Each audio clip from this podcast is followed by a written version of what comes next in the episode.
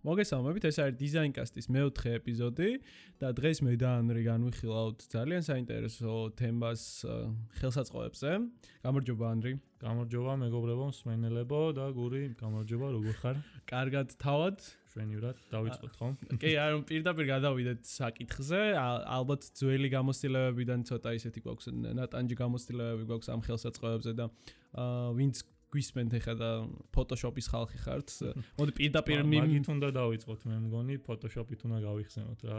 გახსოვს ისინი პირველი ნაბიჯები Photoshop-ში და ტანჯვა. კი, კი, ძალიან საინტერესო გამოცდილება იყო, მაგრამ თან ალტერნატივაც არ ქონდა მაგ პერიოდში. მოდი დავიწყოთ კონკრეტულად შენ შეგიკითხები, ესე იგი Photoshop-ს იყენებდი, რა ოპერაციულ სისტემაზე იყავი და მოგვიყევი შენი გამოცდილება, ესე ვთქვათ. ხო, პირველი ალბათ უნდა ვახსენოთ Windows-ი, საიდანაც იწყება ისტორია Windows-ზე, ну, Photoshop-ი ალბათ უპირობო და უალტერნატივო იყო დასაწყისში, იმიტომ რომ დღეს როგორც არის 1000 რამე მაშინ არ ქონდა ეგეთი რაღაცეები.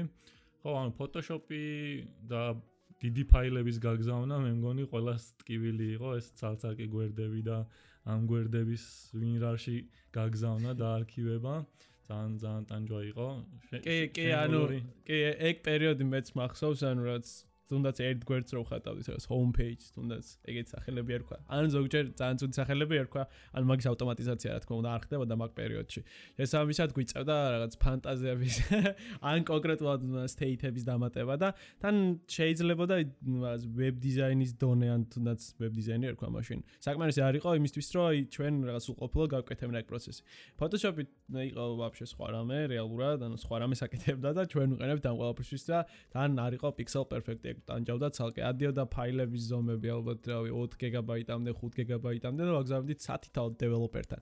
თან ისიც გავუსწრებთ ანრი რომ რეალურად მან დაჭრას ზახდნენ დეველოპერები იყო ეს ლაისები უნდა მოგიხაზა რომ ეს ფოტოები ამოიღოთ იმიტომ რომ თვითონ რატომღაც არ შეეძლოთ რაღაც დაეგრუპად ეს კონკრეტული ისინი რაღაც ელემენტები და ამოიღოთ თუნდაც PNG-ან ნებისმიერი რაღაც მსგავსი რაღაც რა. ხო, სანამ Zeppelin-ი გამოჩნდებოდა და AuCode და მსგავსი რაღაცეები, ძალიან ტანჯვა იყო დეველოპერი, დეველოპერი რო წერს რომ მოდი მომიჭერი ეს საიკონი, ანრი ძალიან ძალიან ტანჯვა იყო ეგ. კიდე ის ის თუ გახსოვს, ანუ ეს დიდი ფაილები ხო იყო და ამ დიდ ფაილებზე ვერსიებს ხო არ ქონოდი ბოლო ვერსია, ბოლო ვერსიის ბოლო ვერსია. კი, კი, ანუ ეგ ძალიან საინტერესო მაგით ვამბობ, რომ ეგ ავტომატიზაცია საერთოდ არ იყო შემოსული და გვიწევდა ჩვენით რაღაცა რაღაც ავტომატიზაციის მოფიქრება სახელების ყოველ შემთხვევაში და მე გავიხსენებდი იმასაც, რომ ეს Photoshop-მა რაღაცნაირად რო შემოიტანა, დაინახა, რომ ძალიან ბევრი ვებ დიზაინერი იყენებდა ამ ხელსაწყოს ოღონდ მაგ მიმართულებით. ეცადა რომ შემოიტანა რაღაც დამატებითი თვისებები ამ ხელსაწყოში რა. ერთ-ერთი იყო ძალიან საინტერესო სანამ artboard-ები შემოვიდა და იყო workspace-ი, რომელსაც ერქვა web design beta.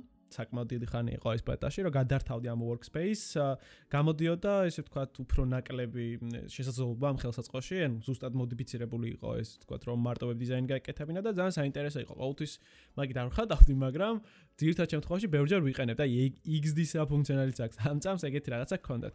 თან მე რო შემოვიდეს artboard-ები, artboard-ები და რაღაცნაირად ცალ-ცალკე ფაილების გაგზავნა არ გვიწევდა, იყო მეტად კომფორტი. შენ თუ გახსოვს, როდის შემოვიდა ეს Zeppelin-ი, თუ გამოგიყენები ეს? აა, Zeppelin-ს ძირთად ვიყენებდი Sketch-ზე, ანუ Sketch-ზე როც გადავედი Mac-ზე, ზოგადად Mac-ის user-ი გავხდი, Sketch-თან ერთად Zeppelin-ი იყო რაღაც 60-ში მოხდი იმიდან ჯოჯოხეთიდან. ხო და მაგას არ ვიყენებდი მე შეიძლება ახსენე ხა Photoshop-ზე და მე როგორც მახსოვს შენ ილუსტრატორსაც იყენებდი ვებ დიზაინისთვის მოდი ეგეც გავიხსენოთ კი ეგ ეგ წარსულიც ქონია საკმაოდ დამახინჯებულად მახსოვს იმიტომ რომ რადგან წერა ვახსენე რომ pixel perfect არისო ეს კონკრეტული ხელსაწყო აუდოკი და რაღაც მომენტში ვხატავდი ილუსტრატორში იმიტომ რომ იქ pixel perfect იყო ყველაფერი და ეს მომწონდა ეს რაც მუზა და კამპიოდრო ჩანდა რა ჩემი კონტურები და არ იყო ბოლოში ბლარი რა. კი ფოტოშოპში შეგიძლია ყველაფერი მოაწესრიგო მაგრამ უფრო კაი ეფექტს ესტოვებდა. აა ასევე მინდა შევეხო აი ზეპლინი რო ახსენე. ზეპლინის სხვათაშორის ფოტოშოპში და ინ რო ინტეგრაცია რო მოხდა აა ძალიან ტანჯვა იყო მაინც იმიტომ რომ გიწევდა ყველა არტბორდის ესე თვითონ ბილდავდა რა ეს ზეპლინი. Photoshop-ში რაღაც ისეთნაირად ამ layer-ებს რო მე ექსპორტი შეგეძლო რა და მე აი კაკრას avocode-ი რო ახსენე დეველოპერები უფრო მეტად avocode-ს იყენებდნენ რადგან ამ PSD-ს რო გაუგზავნიდი რეალურად არ უწევდათ მათ ესე ვთქვათ Photoshop-ის ჩაწერა. ადრე კი უარეს შემთხვევაში ანუ კოდი იქნებოდა უარეს შემთხვევაში ეგრე ხდებოდა რომ Photoshop-ი უნდა ეწეროს აუცილებლად developers და ძალკენ მაგაზე იყო ტანჯვარო ის რაღაც კრეკი არა გაქრო იმას აქვს ანუ დაჟე ეგ მეთოდოლოგია შეიცვალა რომ ეხა დარწმუნებული ვარ ყველა ჩვენგანი ვინც პროფესიონალურ დონეზე აკეთებს ამ საქმეს აბსოლუტურად ამჯერა რომ ყველა იყენებს ანუ subscription-ებს და იხდის ფულს რა და მაშინ ეგეთი რამე არ იყო. სამწუხაროდ ფულის არ ქონდა იმდენი რაღაც გადაგვეხადა და რაღაცნაირად ამ კრეკებზე ვიჯექით და კრეკებიცა და სულ ჟღერს ანუ დაკრეკილ ვერსიებზე რა მოკლედ. აა ხო ანუ მე მგონი ოპერაციულ სისტემებზეც ანუ ხო ან მაკზე ძალიან ის იყო რა ქვია გადასვლა თან მნიშვნელოვანი რაღაცა თან მაგ პერიოდში სკეჩი გამოჩნდა. ფოტოშოპიდან ეგრევე სკეჩზე გადავედი მე პირადად რა და ძალიან ძალიან დიდი განსხვავება იყო ვექტორული ფაილები რაღაც ძალიან ძალიან კარგი იყო რა კარგი გზნობა იყო ეხლა რომ ახსოვს ხო და მანამდე იყო რამე შუალეთში თუ გახსოვს მაგათ შორის? შუალეთში არ იყო, ანუ ესეთი ანუ მეც Windows user ვიყავი მაგ წლებში, როცა დავიწყე ყველაფერი.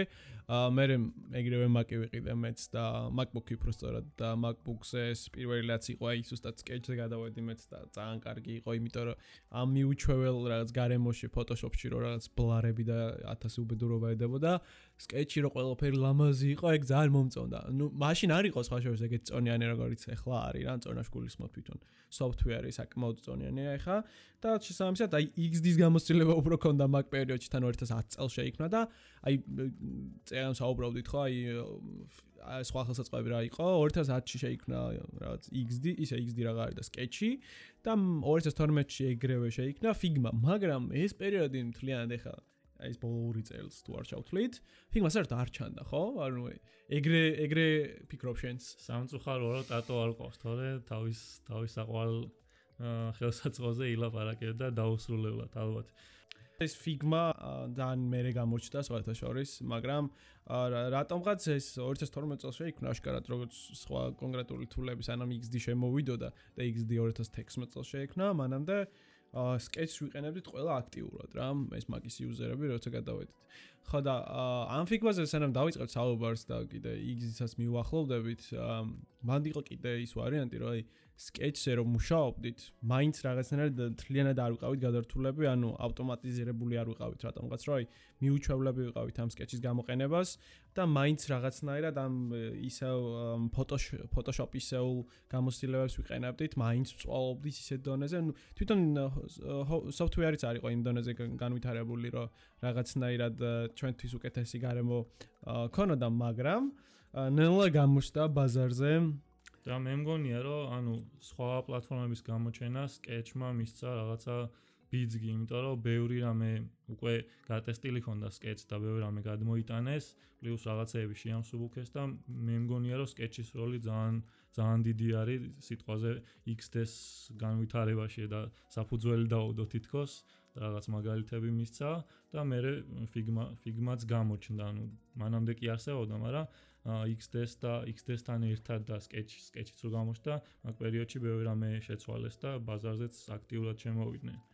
აა კი, მაგაზე მე თეორი სიტყვაც თქვა, რომ აი როგორ შეიძლება მაგალითად მე და შენ ავდგეთ და ეხა რაღაც მსგავსი ხელსაწყო შევქნათ, ისე რომ ანუ აა რაღაც მაგ იქაური გამოსელებები იყო, თაკაური გამოსელებები და აა მაგაზეც ვისაუბრებ უფრო ბოლო პლანისკენ, იდეაში ბოლო მაგაზეც ვისაუბროთ იდეაში ბოლო ნაწილში, ხო? ანუ და მოდი გადავიდეთ XD-ზე.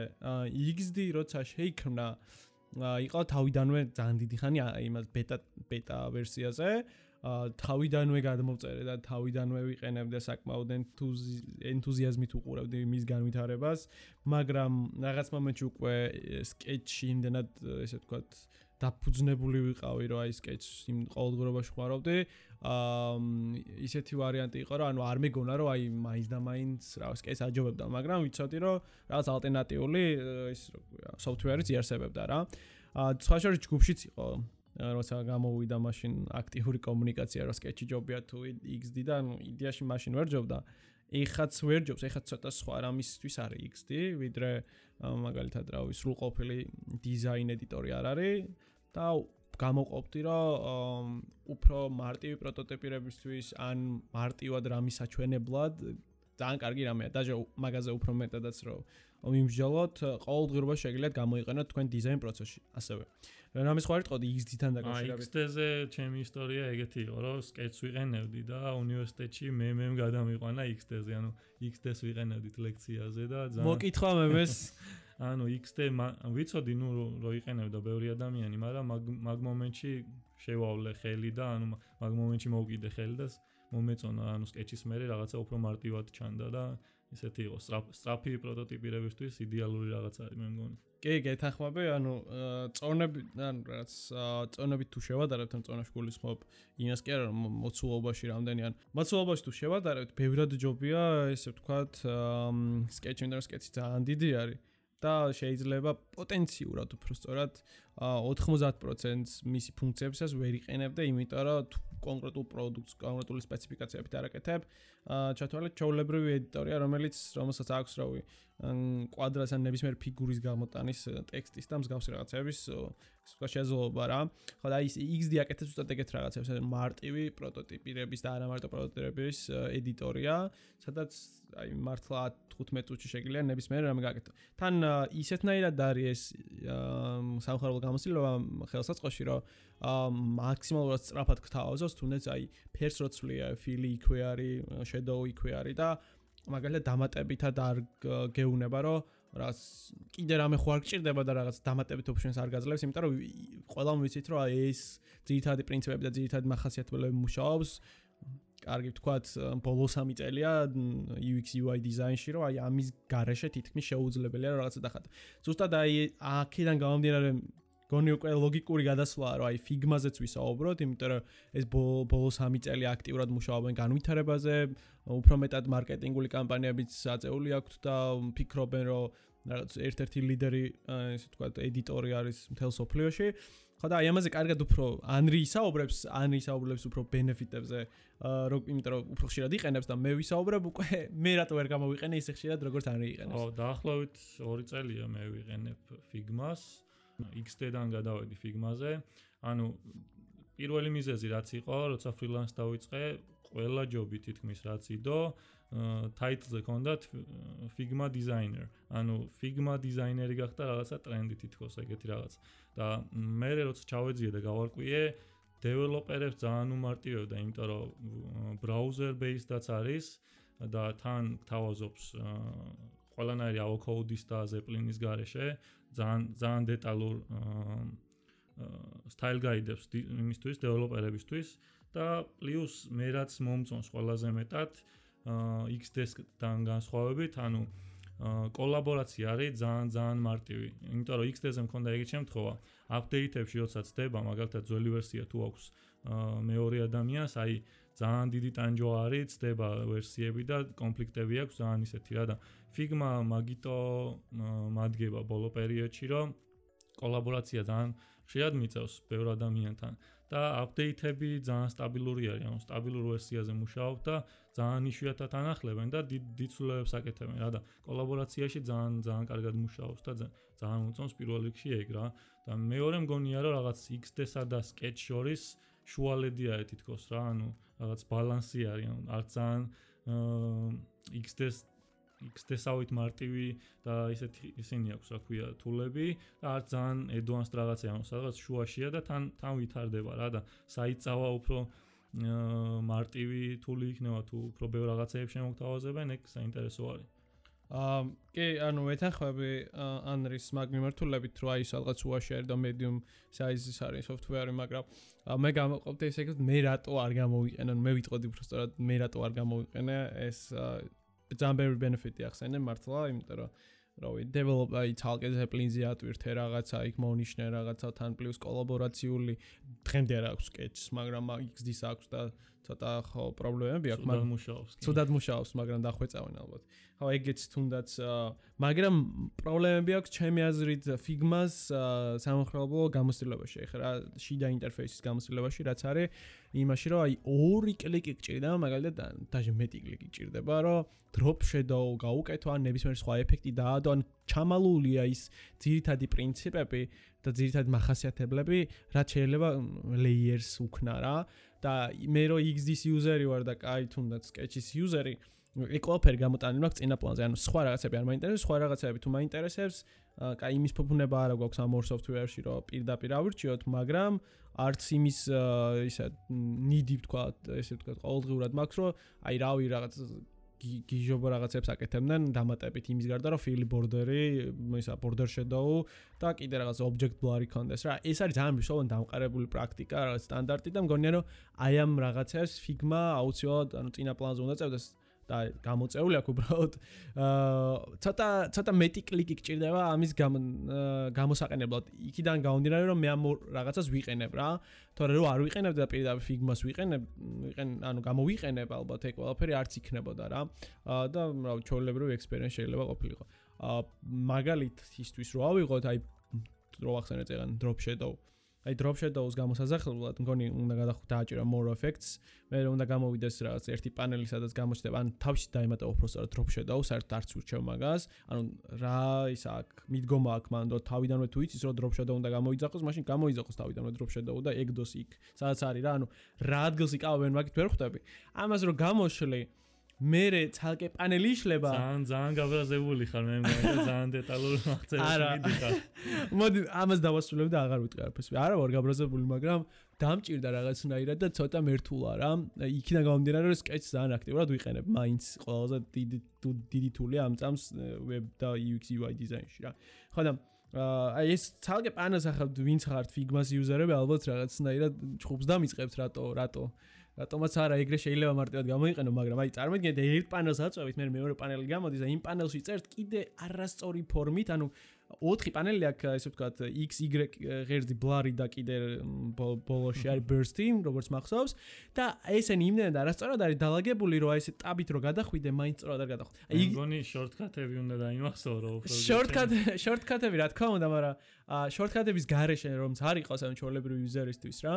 მაინც ცოტა საწვალებელია, იმიტომ რომ ეგ ყველაფერი გვერდი გვერდ პანელში რო არ გიჩანს და ოთხკუთხედურად ესე, ანუ 2-2-ზე რო გიჩანს ქვემოდან ზემოთ, არის ცოტა ცოტა ცოტა ისეთი რა. კარგი, მოდი არ შევეხოთ ძალიან. გონია რომ მაინც მიჩვევაზე არის, რომელ ედიტორს მიეჩვევი, დიდხანს თუ მუშაობ, მე ძალიან გეკომფორტულება. და მგონია რომ მიჩვევა და საჭიროება არის რა რა ზომა გჭირდება და რა რამხელა რაღაცაზე მუშაობ რა მე მგონი ეგორი რაღაცაა და ნახერად დაგეთანხმები მე ფიგმას დამცველად არ გამოვდგები თატორ იყოს უკეთ დაიცავდა ხო და მოდი კიდე ვახსენოთ სხვა რაღაცეებიც. ორი სიტყვით თუ გინდა შევეხოთ კიდე რეები გვაქვს აი ყოველდღიურობაში რას იყენებ მაგალითად ჩვენ თქვით რომ აი Figma-ს user-ი ხარ უფრო მეტად იყენებ ამას. ყოველდღიურობაში ასევე თქვი რომ Zeppelin-ს აღარ ვიყენებო იმიტომ რომ handoff-ი აქვს ძალიან მაგარი Figma-სა კიდე რა აი დამატებით დამატებით ესეთი თული მე მგონი Figma-ს გარდა არაფერი არ მჭირდება ძირითადად brainstorm-ზე და პროექტზე მუშაობის დაწყებისას. Miro არის ძალიან კარგი ანუ ესე თულად რამდენად აღიქმება არ ვიცი web based არის და კი კი თული არის ანუ paper ანუ ეს ესეთი მიმართ დაფა ხო ხო რა paperwork-ისთვის გამოიყენება ანუ დიდი დაფა არის სადაც ნებისმიერ რამე შეიძლება მოჯღაბნოთ ჩა paste-ოთ რავი ნებისმიერ რამე და არის ძალიან მუზად მუშაობს არის web based და თუ არ ვწები ანუ software-იც აქვს თვითონ macOS-ის და იმაშიც რო დააყენო და მაგანდაც web based არის რა. მეც ვიყენებ აქტიურად ოღონდ აი ისეთ შემთხვევაში ვინმეს თუ მინდა რომ გაუზიარო სკრინები რაღაც ფოტოს რაღაც ანუ მე როგორი შემთხვევა მაქვს იცი ანუ figma-ს ვიყენებ როცა დიზაინერებთან დიზაინ ტიმთან მუშაობ და რამდენიმე ადამიანი მუშაობ დიზაინზე და stakeholder-ებთან და არა დიზაინერებთან მირო ძალიან კარგი არის იმიტომ რომ სწრაფად აგებინებ რაღაცებს ისინიც ჯღაბნიან და ძალიან ესეთი კოლაბორაცია გამოდის. ანუ მაგ ორ ნაწილად გავყოფთი მაგ პლატფორმებს სხვათა შორის არ მას ეგეთი პლატფორმა არის დაახლოებით Invision-ს აქვს გაკეთებული PayPal line ქვია თუ არ ვწდები. ზუსტად იგივე არა უფრო free hand-ი ქვია და ზუსტად იგივე რამეს აკეთებს, მაგრამ საკმაოდ წონიანია ეს Invision-ის პროდუქტები საკმაოდ წონიანები არის, რთულად ამუშავოს პროცესი. იყენებ ისე შენ Invision-ს? კი, Invision-ს ვიყენებ, ძალიან ნიშნულ შემთხვევაში, მაგრამ უფრო აქტიურად Marvel Marvel Apps ვიყენებ. ბარემ მეც ვიტყვი რას ვიყენებ რადგან შენ სახსენე გონი კიდე დამატებით management tools იყენებ როგორც მახსოვს არა დააჩენი ან ეგრე მე მგონი სახსენებელი არა task management-ი და რაღაც ეგეთი პლატფორმები მე მგონი მაგას ეგ საერთოდ სხვა თემა არის მე მეგონა უფრო სინქრონიზებაც იყენებ და ჩვენ დაახლოებით სინქრონიზებაც ვიყენებ თან Slack-ს იყენებ და მაგალითად Zeppelin-ი ჩვენთან Slack-ში იპოსტება და კიდე რაღაც ეგეთი მსგავს რაღაცებს ახლა ვიტყვი. ხა და ყოველდღიურობაში ჩვენ მე ვიყენებ XD-ს აბსოლუტურად ყოველდღე Sketch-ს მაგასაც აბსოლუტურად ყოველდღე XD გიყვარს მე მგონი. ან XD არის ძალიან მარტივი რა, ჩემთვის იმაზე მარტივი ვიდრე Figma რა, თუნდაც. და ვიყენებ ასევე ანუ Zeppelin-ს როგორც ვახსენე და abstract-ი, ანუ abstract-ს ვიყენებ დიზაინ სისტემაში აი ტატო მახსენა რომ მაგალითად აი ფრილანსზე მუშაობს წინა ეპიზოდ წინა ეპიზოდს თუ მოусმინეთ და შესაბამისად ამ ფრილანსზე მეტი მოთხოვნა რაც მარტივი ძირითადად სტარტაპები ეძებენ ხოლმე ნუ საშუალო დონის კომპანიებიც მაგრამ მithხოვენ რაღაცა საშუალო დონის პროექტს რა და აი კორპორაციებისთვის რომ მუშაობ და უფრო დიდ რამეზე მუშაობ იდეაში sketch და sketch-ის abstract-ის სინქრონიზაცია არის ძალიან მნიშვნელოვანი იმიტომ რომ მაგის გარშე იდეაში ვერ გააკეთებ ამ დიზაინ სისტემას და არა მარტო დიზაინ სისტემასაც, ანუ აა მოწესრიგებული flow უნდა გქონდეს. ჩემი აზრით დიდი კორპორაცია რო ხარ და რაღაც 20 დიზაინერი მუშაობს შენთან, აა XD ვერ გამოგადგება. ისეთ დონეზე, რომ იყოთ რაღაც on time ყველა ერთნაირად, Figma-ც რაღაცნაირად ვერ გამოგადგებათ, იმიტომ რომ ნაკლებად, ანუ შეიძლება მეტად გამ შენ მაგ შემთხვევაში, ანუ Sketch-ზე ძალიან დიდი გამოცდილება აქვს ფაილებთან და დიდ სისტემებთან მუშაობის და მე მგონი სკეცზე რო თქვა როგორი გამოცდილება მაგრივ კარგი იქნება. კი, ანუ ჩვენ აქტიურად ანუ ხა სადაც მუშაობ საქართველოს ბანკში, ჩვენ აქტიურად ვიყენებთ abstracts plus sketch plus zeppelin. ანუ ბოლოში ეს კოლაბორაციისთვის რა. sketch-ი არის ძალიან კომფორტული მაგ მიმართულებით რა 90%-ით მოდი ესე ვიტყვი და 10%-ით მაინც რაღაც ფიჩერები არ აქვს ჯერ კიდე რომელიც ჩვენ გვინდა. და ვაწყობთ ამ რაღაც დიზაინ სისტემაზე მუშაობთ, რომელიც ძალიან მალე დარეალიზდება და ყველა ნახავთ.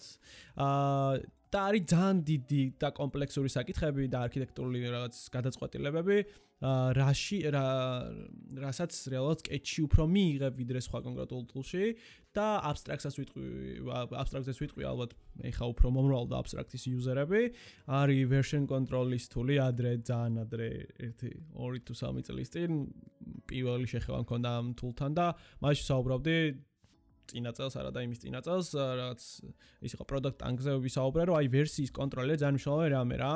ეხა Figma-ს აქვს გონი ხო ვერსიის კონტროლი? კი, თავისი აქვს ხო. და აი abstract-ს აქვს, abstract-ს და აი Git-ის მსგავსი რაღაცა არის დეველოპერები ის თული რაც არის version control-ის და plus მაგას თალკე Zeppelin-საც აქვს იცოდე? ეგ რაღაც version control-ი შეიძლება დააკომიტო და რაღაცები რადგან არის Zeppelin-ის მაგდონემდე არ არ დამჭიროებია მაგის გამოყენება რა. კი ანუ plus იმასაც დავამატებდი რომ აი design system-ებს ვინც აწყობთ და იცით იყენებთ აბსოლუტურად ანუ თითქმის თლიან ფუნქციონალს იყენებთ ამ კონკრეტული თულებს აბსტრაქტისაც, აა სკეჩისაც და ზეპლინსაც. ზეპლინის ეხა მithumetes ძალიან მარტივად აზიარებენ ხოლმე ამ ზეპლინის სკრინებს, პროსტა სკრინების გასაზიარებელი პლატფორმა. იდეაში ზეპლინს ატომიკის არქიტექტურა აქვს და შეგიძლია სტაილ გაიდები შეიტანო, ამის რილეიშენები აწყო. იგივე სიტყოდია ასევე აბსტრაქტზე, რომ ანუ რაღაც ბრენჩები და მთელი ამბები აქვს, ანუ ძალიან კომპლექსურია, მოკლედ არ ჩავალ მაგ დეტალებამდე და სკეჩით ამ ყველაფერში რაღაცა კარგ როლს თამაშობს. ეს სამი თული ერთად ქმნის რაღაცნაირად უფრო სოლიდურ გარემოს, არ გეშინია რომ რაღაცა ისეთ იზამე რომ ვერაფერს ვერ გააკეთებ, მაგრამ ასევე არ მინდა რომ ისა თულად ისეთ თქვა რომ აი უეჭველი 100% ისეთ თულებია რომ განვითარება არ აქვს ემორში ამოწურეს. ეხლა საკმაოდ კარგი აპდეიტები გამოვა sketch და sketch-ის იუზერები ვინც ხართ, ალბათ ელოდებით მაგ ყველაფერს.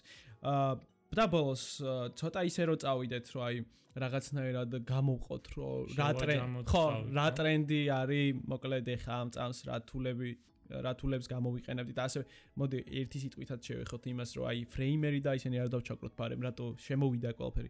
შენ ხო არ გამოგიყენებია ფრეიმერი InVision Studio UX Pin-ი აა ცადე ჩავწერე და რა ანუ დიდ პროექტი არ გამიკეთებია მოკლედ მაგრამ ჩემთვის თამაშობდი მაგრამ თითქოს მოუხერხებელია ალბათ პროექტზე როცა მუშაობ და დაიწყებდა რაღაცა მე ეჩოვი მაგრამ დიდად არ მომეწონა რა ანუ არგუმენტებს ესე ვერ ჩამოგითვლი აი ეს არ მომეწონა, მაგრამ რაღაცა მოუხერხებელი იყო. იმ იმ სამის მე რაზეც ვილაპარაკეთ დღეს დიდი ხანი, მაგის მე თითქოს ვერ გადავედი, ანუ არ დამჭიროებია პრინციპში, ასე რომ ვთქვათ და მაგიტო დასაწყისში ვახსენე რომ აი ახალი პლატფორმები იქნება თქო, მსგავსად თქო და აი მე და ის Unreal რო ავდგეთ და ეხლა რაღაც მოვინდომოთ ედიტორის გაკეთება, რაღაცა მსგავსი open source-ი არა, კომერციული მხარე არსებობს, რომ აი ის უკვე აწყობილი basic-ები, ანუ MVP მოდელი ამ ედიტორების და მე აშენებენ აშენებენ ამაზე ზემოდან აი რაღაც feature-ებს. რა ისე მუშაობს ეს frame-ერი, UX pin-იც და მსგავსი რაღაცები. ეს სტარტაპები median frame-ერი საკმაოდ დიდია ახლა და ბევრი იყენებს და საკმაოდ დიდი კომპანიებით სხვათა შორის. აი ხა InVision-ზე ვერ ვიტყოდი მთლად მას რაღაცას და UX Pin-ზე.